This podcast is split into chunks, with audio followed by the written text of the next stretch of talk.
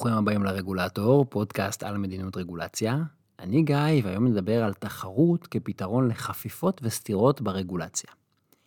מי לדעתכם הרגולטור שמפקח על כך שפיצות עומדות בסטנדרטים תברואתיים? מסתבר שהתשובה לשאלה הזאת לא כל כך פשוטה.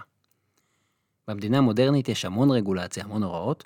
הוראות הן חשובות והן נקבעות על ידי הרבה מאוד רגולטורים שונים. כמה הוראות רגולטוריות יש? אף אחד לא באמת יודע. ואחת התוצאות של הרבה רגולציה והרבה רגולטורים, זה שיש לנו חפיפות וסתירות בין הרגולטורים. בפרק קודם, בפרק 48, ראינו כל מיני סיפורים על רגולציות סותרות. הבלבול הזה קיים גם כשאין באמת סתירה. קחו לדוגמה את ה-FDA וה-USDA בארצות הברית, שהם פחות או יותר המקבילים האמריקאים של משרד הבריאות ומשרד החקלאות. אם אתם מייצרים פיצה, היא תחת פיקוח של ה-FDA. אם תוסיפו עליה חלילה נקניק פפרוני, היא עוברת לפיקוח של ה-USDA. וזאת לא רק חלוקת עבודה, לכל גוף יש הוראות אחרות. הוא דורש סטנדרטים אחרים, והוא מפעיל שיטות פיקוח אחרות. למשל, ה-USDA מבצע בדיקות פרטניות יותר, בעוד שה-FDA מבצע פיקוח שיותר מבוסס על ניהול סיכונים. דבר דומה קיים גם בישראל.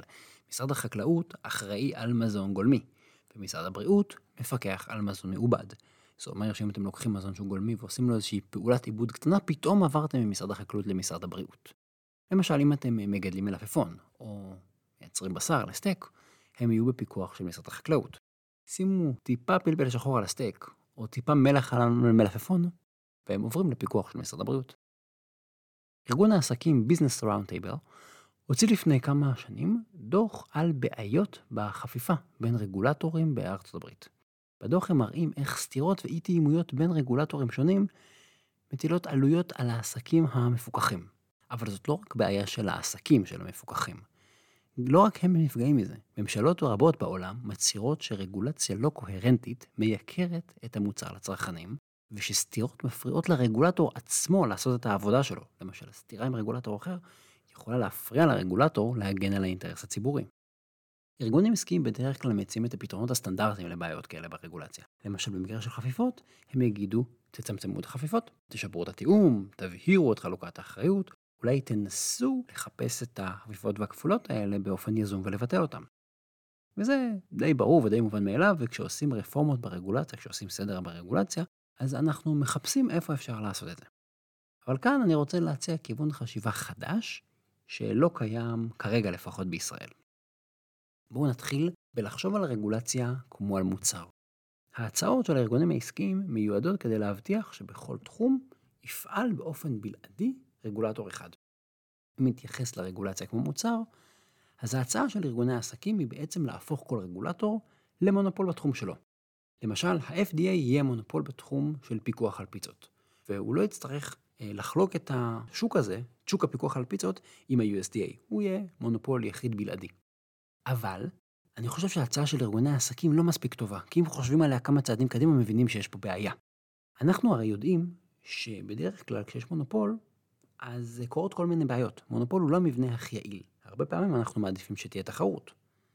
זאת יכולה להיות תחרות בין שני יצרנים, או בין ספקים, או בין כמה אנשים שממציאים, ואפילו תחרות בין מקומות עבודה שמתחרים על עובדים, וזה משפר את המצב. תחרות מכניסה דינמיקה בריאה. היא מייצרת השתדלות ומאמץ, אז למה שנתבקש מהרגולטורים להיות מונופולים? אני רוצה להציע לכם מודל של תחרות בין רגולטורים. מה אם במקום לחפש ולתקן באופן ידני את כל החפיפות בין רגולטורים, פשוט נאפשר להן להתקיים. נגיד שזה בסדר שיש חפיפות וזה בסדר שיש סתירות בין רגולטורים. במצב כזה אנחנו נאפשר לשני רגולטורים באותו תחום להכיל הוראות שונות על אותה פעילות. וההוראות האלה ימשיכו לחול באופן מקביל. אבל, שימו לב, זה כאן הקאץ', אבל אנחנו נאפשר לכל מפוקח לבחור תחת איזה רגולטור הוא יהיה כפוף. יהיו לנו שתי מערכות רגולטוריות, והמפוקח יבחר את הרגולטור שלו. נניח שאתם מייצרים פיצה, תבחרו, אתם רוצים להיות כפופים ל-FDA, עם הדרישות שלהם, מנגנון הפיקוח שלהם והביקורת, או ה-USDA, עם הדרישות והמנגנון הפיקוח שלהם. תבחרו את הרגולטור. אם יש לכם מתקן לייצור אנרגיה, והוא פולט קרינה אלקטרומגנטית, תבחרו מי הולך לפקח עליכם, משרד הבריאות, המשרד להגנת הסביבה, אולי משרד האנרגיה. ולפי המודל הזה, מרגע שהמפוקח בוחר רגולטור, אז יחולו עליו כל ההוראות וכל מנגנוני הפיקוח והאכיפה של אותו רגולטור. ומצד שני המפוקח מקבל סוג של הגנה, רגולטור אחר לא יכול להטיל עליו דרישות באותו נושא, למשל פיקוח על קרינה אלקטרומגנטית או תברואה של פיצות. ולצורך ההמחשה גם אנחנו נגיד שמפוקח יכול לבחור את הרגולטור שלו פעם בתקופה, נגיד פעם בשלוש שנים, פעם בחמש שנים. הרעיון הוא שלא תדלגו כל שתי דקות בין רגולטור לרגולטור, חייבים פה גם איזו יציבות גם בשביל המפוקחים, גם בשביל הצרכנים, גם בשביל הרגולטורים עצמם. בכל מקרה, מפוקח חייב לבחור רגולטור ממשלתי, ככה שאין פה הפרטה או דה-רגולציה, אבל בעצם כל מפוקח יבחר את הרגולטור שיחול עליו, והרגולטורים סוג של יתחרו על המפוקחים. שיטה כזו מבטיחה ודאות, וגם פותרת את בעיית החפיפות בלי שנצטרך למצוא את כל החפיפות בעצמנו ולנסות להגיע לפשרות בין הרגולטורים שמצטלבים. אנחנו אומרים, יהיו חפיפות, אנחנו פשוט נאמר שהן לא משפיעות על העסק, כי רק רגולטור אחד יחול עליו בעצם. בנוסף, השיטה הזאת גם מעודדת את הרגולטורים לבחור בין גישה, נקרא לזה, יותר תחרותית לגישה קרטליסטית. למה הכוונה? ופה אני ככה מדבר קצת אה, כלכלה.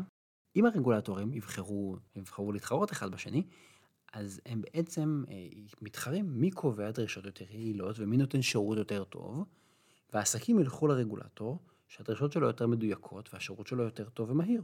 אז הציבור ירוויח מזה. ואם הרגולטורים יבחרו במרכאות להתקרטל, זאת אומרת, לצמצם את השונות ביניהם, להיות יותר דומים אחד לשני, אז הם בעצם יצמצמו לבד את הסתירות ואת החפיפות ביניהם, וככה איכות הרגולציה תשתפר.